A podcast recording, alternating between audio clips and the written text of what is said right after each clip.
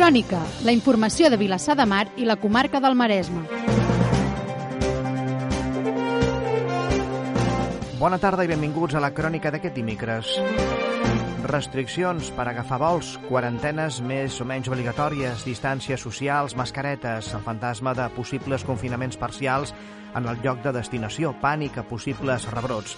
En aquest estiu atípic de 2020, marcat òbviament per la pandèmia de la Covid-19, llogar una embarcació amb la família o amics s'ha convertit en un model per passar un o més dies gaudint de la mar, de l'aire lliure i, sobretot, fer-ho amb seguretat.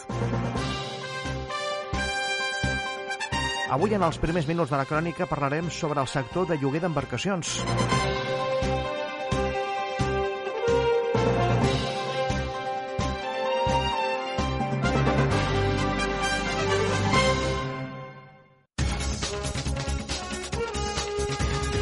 També recordarem que el consistori va iniciar abans d'ahir les obres de substitució de clavegaram i del ferm del carrer Enric Granados, en concret en el tram comprès entre Colom i del Rosari.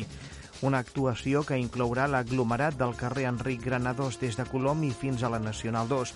Durant aquesta setmana en concret, el que s'estan fent són les cales, és a dir, les cates, i es poden produir en algun moment talls puntuals de trànsit en aquesta zona.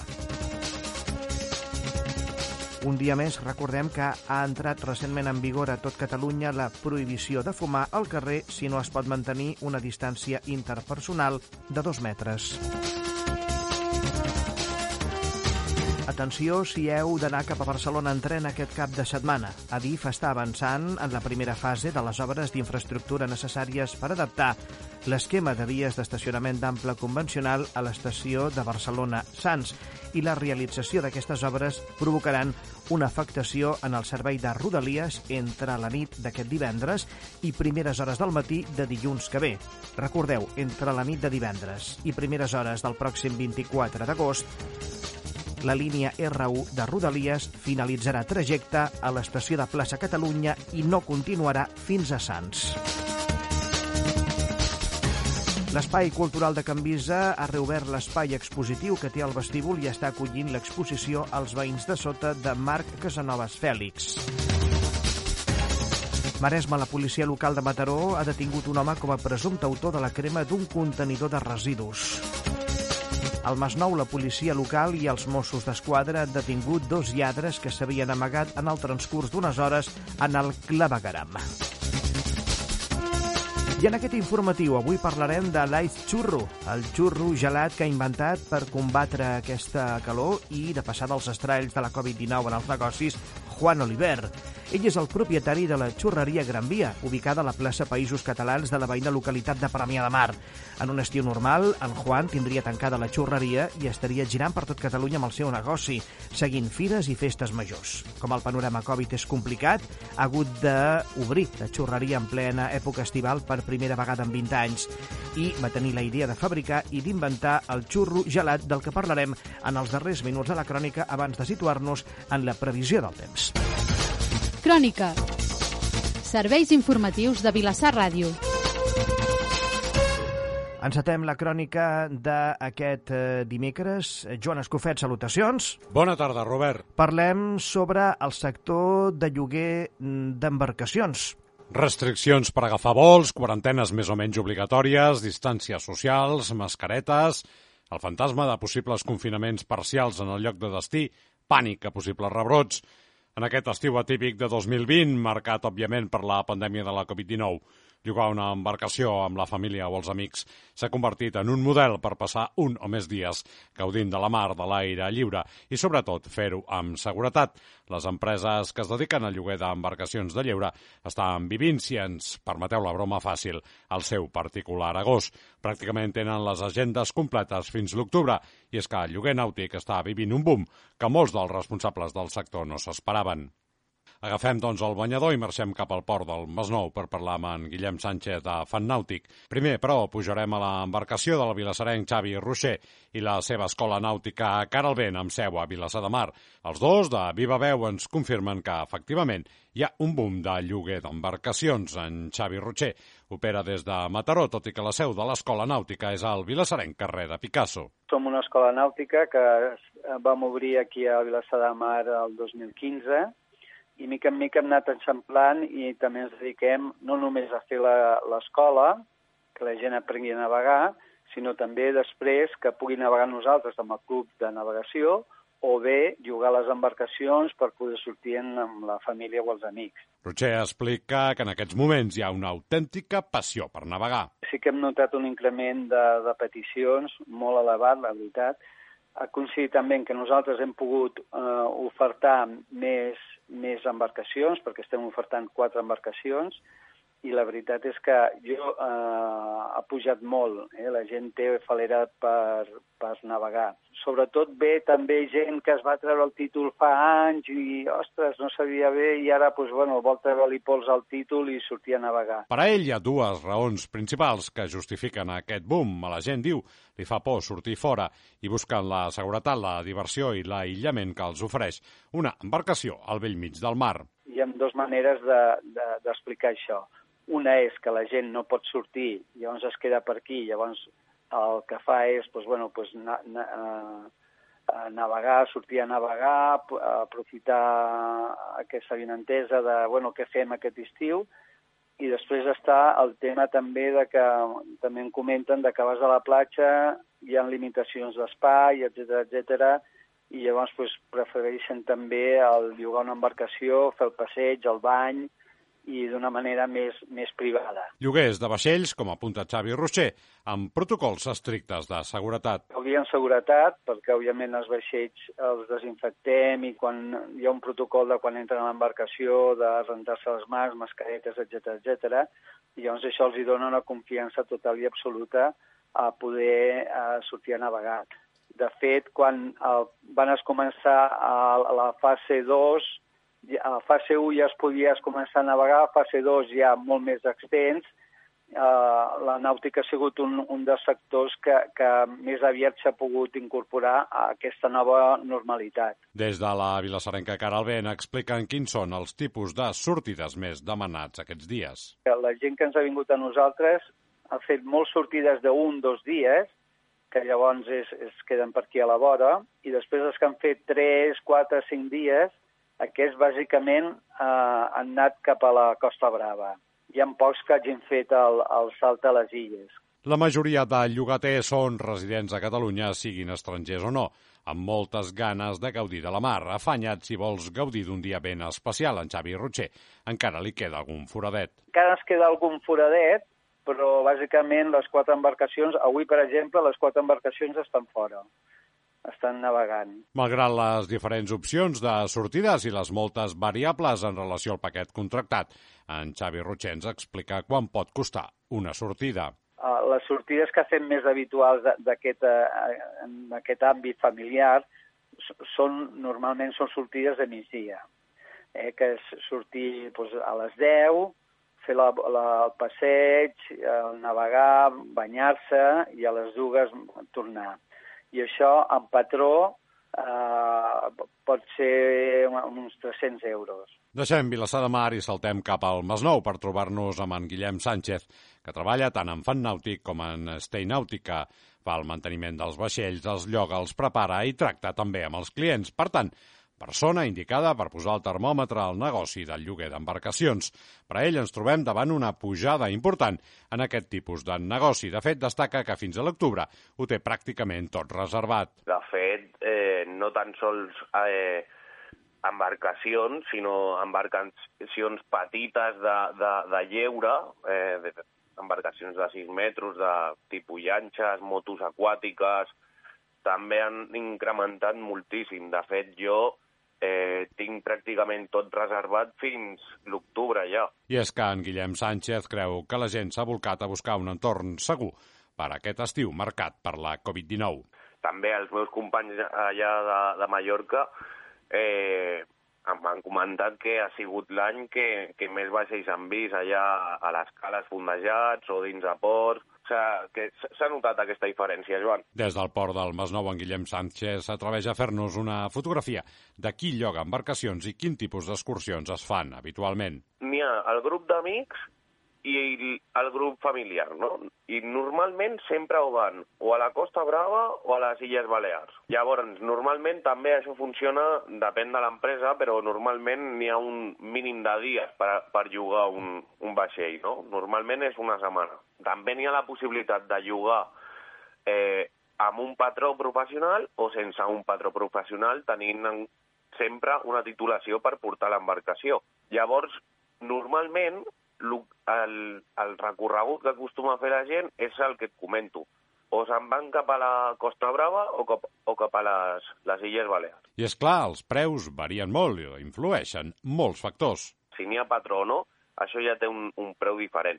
Després, el tipus de vaixell que lloguis també, això és determinant. Tu pots jugar al vaixell més xulo, més gran, més de tot, que serà un preu molt diferent a que si llogues un de petits. Podem parlar que n'hi ha fins als 200 euros al dia fins als 6.000 euros la setmana.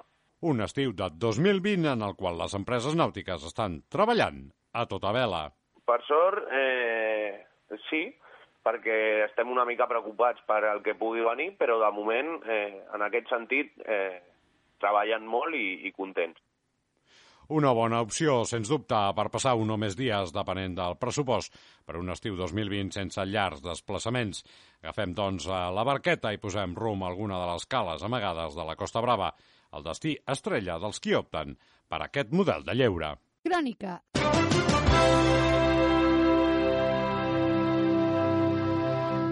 L'Ajuntament de Vilassar de Mar va començar abans d'ahir les obres de substitució del clavegaram i del ferm del carrer Enric Granados en el tram comprès entre el carrer Colom i el carrer del Rosari. Aquesta actuació inclou l'aglomerat del carrer Enric Granados des de Colom fins a la carretera Nacional 2. L'execució de les obres ha estat adjudicada a l'empresa Via Augusta, Obres i Serveis, per un import de 198.527 euros IVA inclòs. L'actuació consisteix en la substitució del clavegaram en el tram més deteriorat del carrer Enric Granados, d'acord amb el pla director de clavegaram. El projecte contempla la instal·lació d'una xarxa de tipus separatiu que serà operativa una vegada s'hagi fet la substitució del clavegaram de tot el carrer. La nova xarxa estarà constituïda per dues canonades, una per recollir les aigües de la pluja, a la que es connectaran els nous embornals del carrer, i l'altra recollirà les aigües residuals procedents dels habitatges. Aquesta última canonada, més, serà l'encarregada de recollir les aportacions de les canonades existents en els carrers adjacents que són de tipus unitari. Addicionalment, també es millorarà el sistema de captació de les aigües superficials del carrer, tot col·locant rigoles al peu de les vorades i renovant els embornals. Pel que fa a la renovació de la pavimentació, en el tram d'Enric Granados des de Colom a Rosari es refarà tota la capa de ferm que es troba molt deteriorada. Al tram de Rosari fins a la Nacional 2 es refarà la capa de rodadura del ferm i es practicaran els sanejaments necessaris. L'actuació té una durada prevista de 4 mesos. Durant aquest període s'aniran fent talls de diferents trams de carrer.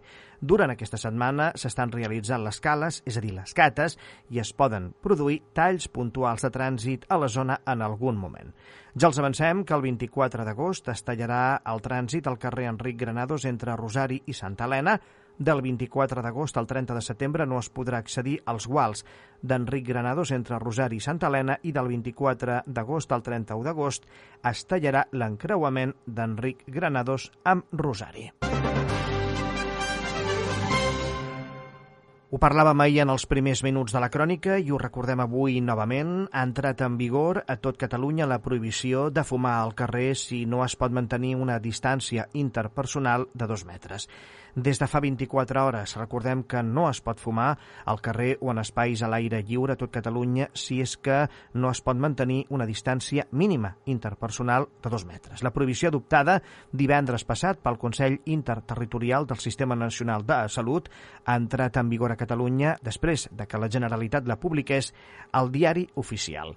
L'ús de dispositius d'inhalació de tabac, pipes d'aigua, pipes o similars també es veu afectat per aquesta mesura, ja que funciona a llocs com Galícia i La Rioja. Així mateix, els establiments d'hostaleria, restauració i terrasses, així com bars i restaurants situats a la platja han de garantir una distància mínima d'1,5 metres entre taules i un màxim de 10 persones per taula o agrupació de taules. El servei de barra també ha de garantir una distància mínima interpersonal d'un metre i mig. Segons recull l'ordre ministerial que es fa efectiva a Catalunya, aquests establiments no podran tancar més tard de la una de la matinada ni admetre clients a partir de les 12 de la mitjanit. En el document també es recomana limitar les trobades socials amb persones no convivents i que aquestes reunions es limitin a un màxim de 10 persones. Les noves mesures tenen com a objectiu contenir la propagació del coronavirus en un context d'augment generalitzat de casos. Segons dades de la Generalitat, Catalunya va sumar dilluns passat 1.169 casos nous de Covid-19 confirmats amb PCR. El total de positius a Catalunya des de l'inici de la pandèmia arriba gairebé als 114.500. Amb el repunt de casos, el consistori de Vilassar de Mar ja va requerir a restaurants, bars i locals d'oci que compleixin amb les mesures sanitàries adoptades per intentar evitar la propagació del virus i el contagi de la malaltia. Cinc agents cívics, a més, estan fent pedagogia als carrers del municipi per tal que es respectin aquestes mesures. Crònica, la informació de Vilassar de Mar i la comarca del Maresme. Adif està avançant en la primera fase de les obres d'infraestructures necessàries per adaptar l'esquema de vies d'estacionament d'ample convencional de l'estació de Barcelona-Sants. Doncs bé, la realització d'aquestes obres de la que parlem provocaran, atenció, una afectació en el servei de rodalies de la línia R1 entre la nit del 21 d'agost i primeres hores del matí del dia 24 d'agost. Per tant, el que succeirà és que entre tres quarts de 12 de la mitjanit d'aquest divendres que ve, dia 21 d'agost, i les 5.15 del matí del pròxim dilluns 24 d'agost, el servei de rodalies de la R1 finalitzarà trajecte, atenció, a l'estació de Plaça de Catalunya i no continuarà fins a l'estació de Sants, per la qual cosa els usuaris hauran, si ho necessiten, d'agafar altres transports públics com el metro o bé l'autobús.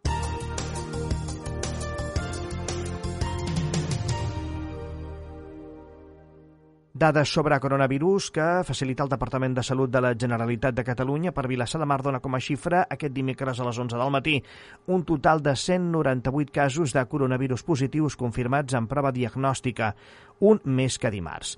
El Departament de Salut informa que hi ha 1.640 casos possibles d'infecció de coronavirus, 8 més que ahir dimarts. Són persones que presenten símptomes i que sense prova diagnòstica feta un professional facultatiu classifica com a possible cas. Recordem que en tots dos casos, casos de coronavirus positius i casos possibles d'infecció de coronavirus, els estem oferint dades acumulades des de l'inici de la pandèmia.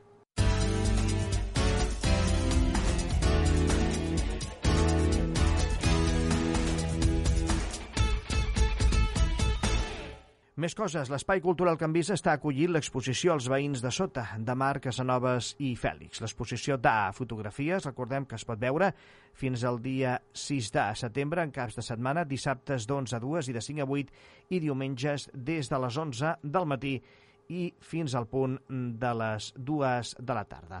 Marc Casanovas ens fa 5 cèntims sobre el contingut d'aquesta mostra. És un recull de 21 fotos, que tenen en comú que tot és fotografia subaquàtica, perquè jo em dedico a això des de fa doncs, aproximadament 25 anys i totes les fotografies que veureu són espècies eh, que són d'aquí, de la costa catalana. N'hi ha, hi ha alguna fotografia d'aquí a Vilassar, hi ha d'altres fotografies, la majoria, que són de Tossa de Mar, de Begur, i són espècies que algunes doncs, us sonaran molt perquè són més comunes, com algun pop, però d'altres que, bueno, ja és una mica més difícil poder-les eh, veure fotografiades. Com a mesures de prevenció sanitàries, recordem que el públic que visiti aquesta exposició de portar mascareta i netejar-se amb el gel hidroalcohòlic que hi haurà a l'entrada de l'equipament. L'aforament està limitat a un total de 8 persones. Informació de serveis. Aquesta nit té la guàrdia al nostre municipi la farmàcia Puigcer Jové, situada a plaça del Mercat 11. El seu telèfon de contacte és 93 759 15 85. Crònica, la comarca. Comencem el bloc destinat a la informació comarcal. A Mataró, la policia local de la capital de la comarca va detenir ahir un individu veí de Mataró de 23 anys d'edat com a presumpte autor de la crema d'un contenidor que va tenir lloc el 20 de juliol a la confluència de la carretera de Mata amb el carrer Josep Faneca. L'home va ser detingut gràcies a la descripció que un testimoni dels fets havia proporcionat en el marc de la investigació que la policia local de Mataró mantenia oberta. Quan els agents que van localitzar el presumpte autor dels fets van voler identificar-lo, aquest es va negar i es va resistir a la detenció. L'home va ser detingut pels delictes de desobediència i resistència a l'autoritat, a més de com a presumpte autor dels danys provocats per l'incendi. Després de passar a disposició del jutge, ha quedat en llibertat amb càrrecs. La policia local de Mataró està investigant si el detingut podria estar relacionat amb la crema d'altres contenidors en aquella zona. Vilassar Ràdio. La ràdio al teu servei. Els Mossos d'Esquadra de la comissaria de Premià de Mar mm, van detenir aquest eh, passat divendres dos homes de 18 anys i de nacionalitat sèrbia com a presumptes autors d'un delicte de robatori amb força a un domicili del Masnou. Els fets van succeir pels vols de les dues de la tarda de divendres quan un testimoni va trucar al 112 per alertar que acabava de patir un robatori a l'interior de casa seva i que els lladres havien fugit. De forma paral·lela, altres testimonis van explicar que acabaven de veure un home i una dona joves saltant pels patis de diferents pisos i fugint a peu pel carrer Vall Romanes. Amb la descripció facilitada per la víctima i els testimonis, diverses patrulles de la policia local del Masnou van començar la recerca dels autors d'aquest robatori. Pocs minuts després, una patrulla va localitzar un cotxe a l'interior del qual hi havia els lladres que va iniciar una fugida en veure'ls. Els agents van seguir el vehicle que circulava amb temeritat pel Masnou i en sentit contrari mm, arribant a impactar amb un altre que ho feia en el sentit correcte. Finalment, els lladres van abandonar el turisme i van decidir fugir a peu. A l'interior del cotxe s'hi van trobar diferents joies que havien estat sostretes a l'habitatge. En aquest punt es van afegir a la recerca diferents patrulles dels Mossos d'Esquadra de Premià de Mar. Els lladres van continuar la fugida i van introduir-se a l'interior d'un col·lector subterrani d'aigües pluvials on se'ls va perdre el rastre. La unitat de subsol va fer recerca pel col·lector sense èxit. Gràcies a la col·laboració de la ciutadania, després de diferents avisos on s'informava que se sentien veus al clavegram de l'Avinguda Mare de Déu del Pilar, els agents van localitzar dos homes els quals van aconseguir escapar en veure la policia.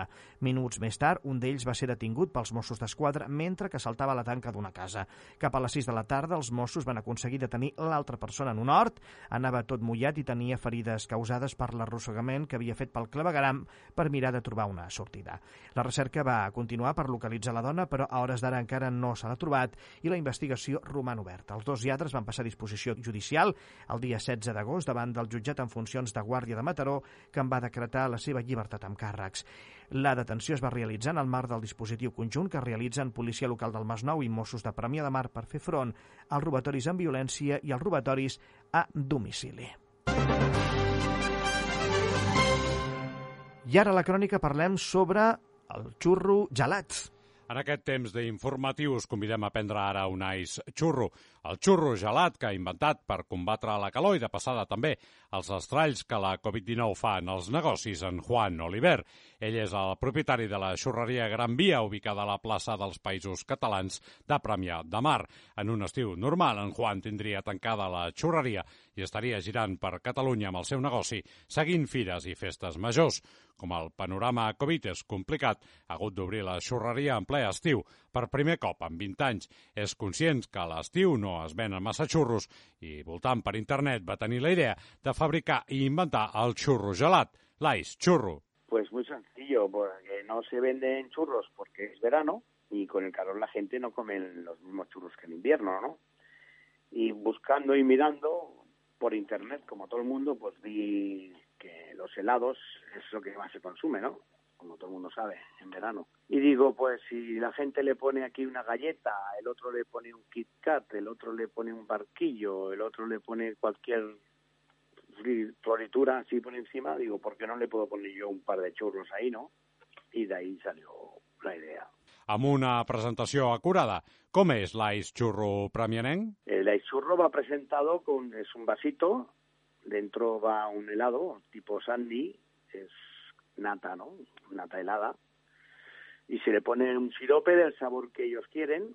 Hay varios sabores, hay fresa, hay dulce de leche, chocolate, chocolate blanco, varios sabores. Y luego se pone dentro los dos churros pinchados. Per llapar-nos els dits, L'invent costa 2 euros, el mateix que un gelat convencional, però amb els xurros de regal. En Juan Oliver explica que a la seva clientela li agrada molt l'Ice Churro. El tasten i hi ha qui repeteix. Bien, bien, lo sienta muy bien, fresquito, hay gente que repite y todo, está muy rico. Lamenta, però, que aquesta iniciativa per incentivar el seu negoci hagi aparegut, s'hagi il·luminat a mitjans d'agost amb la temporada d'estiu ja molt avançada. Lo que pasa que ahora, claro, en vacaciones eh, es un sitio que falta gente, ¿no? Falta gente para que, para que esto se promocione bien, bien. Y ha sido a mi, ya a mitad de verano, no ha sido al principio, tenía que haber sido un poquito antes. El xurro gelat d'en Juan Oliver no deixa de ser una proposta innovadora per mirar d'aixugar els estralls econòmics de la Covid-19. Una xurreria que en temps d'estiu estaria normalment tancada, però que en Juan ha hagut d'obrir per primera vegada en 20 anys perquè no pot anar per les fires i festes majors per culpa de la pandèmia de la Covid-19. Nosotros prácticamente en verano la churrería de la Gran Vía nunca la abríamos, siempre habíamos la llevábamos a las ferias, pero este año como tenemos las ferias suspendidas no tenemos ninguna ayuda en las ferias, ¿sabes? No nos han dado ningún tipo de ayuda ni nada y, no nos dejan montar en, ninguna feria prácticamente, pues mira, tomar una alternativa. Inquiet de mena Juan Oliver, propietari de la xurreria Gran Via de Premià de Mar, ja està pensant en un nou invent per quan fred. Vilassar Ràdio, serveis informatius. El temps. Anem cap al Servei Meteorològic de Catalunya. Com està la situació? Quina és la previsió pel que queda de dimecres i per aquest dijous? Pere Cladera, salutacions. Doncs el sol és el gran protagonista arreu del territori, pràcticament sense excepció, i és que una dorsal anticiclònica ens està afectant a hores d'ara i, per tant, l'estabilitat és la gran protagonista. En tot cas, durant aquesta pròxima tarda sí que poden aparèixer algunes nuvolades cap a punts del Pirineu i Prepirineu, però sense més conseqüències, i a destacar l'augment de la temperatura. Ahir hi havia bastants núvols, avui no i tot acompanyat d'una massa d'aire bastant càlida i per tant l'ascens de la temperatura serà notori a bona part del país. De fet, la majoria màximes es mouran entre els 29 i els 34-35 graus, però en alguns sectors del ponent del Pla de Lleida es podran arribar a tensar cap als 36 o 37 graus de manera puntual. Per tant, ambient molt càlid al centre de la jornada. A més, també el vent de component sud s'anirà reforçant i pot haver alguns cops forts, els més importants cap a punts de la Costa Brava i sobretot també a la tarda cap a la Vall de l'Ebre i cap a punts del Pla de Lleida. De cara a demà, situació molt semblant, alguns intervals de núvols baixos a la costa, però tendiran a desfer-se i temperatura que pot encara pujar una miqueta més i alguns valors podran arribar a aproximar-se als 38 graus cap al Pla de Lleida. I de moment això és tot des del Servei Meteorològic de Catalunya. Doncs gràcies, Pere, i serà fins la propera edició de la Crònica. Els primers minuts d'aquest informatiu avui els hem dedicat a parlar del sector de lloguer d'embarcacions i és que el lloguer nàutic d'embarcacions està vivint un boom que molts responsables del sector no s'esperaven. Fa dos dies que van començar les obres de substitució del clavegaram i del ferm del carrer Enric Granados, en concret del tram comprès entre Colom i del Rosari. Durant aquesta setmana en concret s'estan fent les cales, és a dir, les cates, i es poden produir, atenció, talls puntuals de trànsit en aquesta zona. Ahir en parlàvem abastament en els primers minuts de la crònica amb una entrevista a la policia local i avui hem tornat a recordar des de la crònica que ha entrat en vigor a Catalunya la prohibició de fumar al carrer si no es pot mantenir una distància interpersonal de dos metres. Adif està avançant en la primera fase de les obres d'infraestructura necessàries per adaptar l'esquema de vies d'estacionament d'ample convencional de l'estació de Barcelona-Sants. La realització d'aquestes obres provocaran una afectació en el servei de R1 de Rodalies entre la nit d'aquest divendres i primeres hores del matí de dilluns que ve.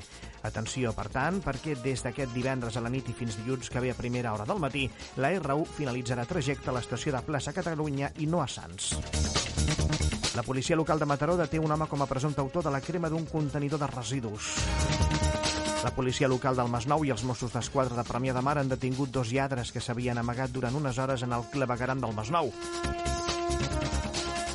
Avui hem parlat en els darrers minuts de la crònica de l'Eix Churro, el xurro gelat que ha inventat per combatre la calor i de passada els estralls que la Covid-19 fan als negocis en Juan Oliver, que té la seva xurreria a la plaça Països Catalans de Premià de Mar. Us han parlat Robert Maza i Joan Escofet. La crònica torna en la seva propera edició. Gràcies per fer-nos costat un dia més. Crònica. Serveis informatius de Vilassar Ràdio.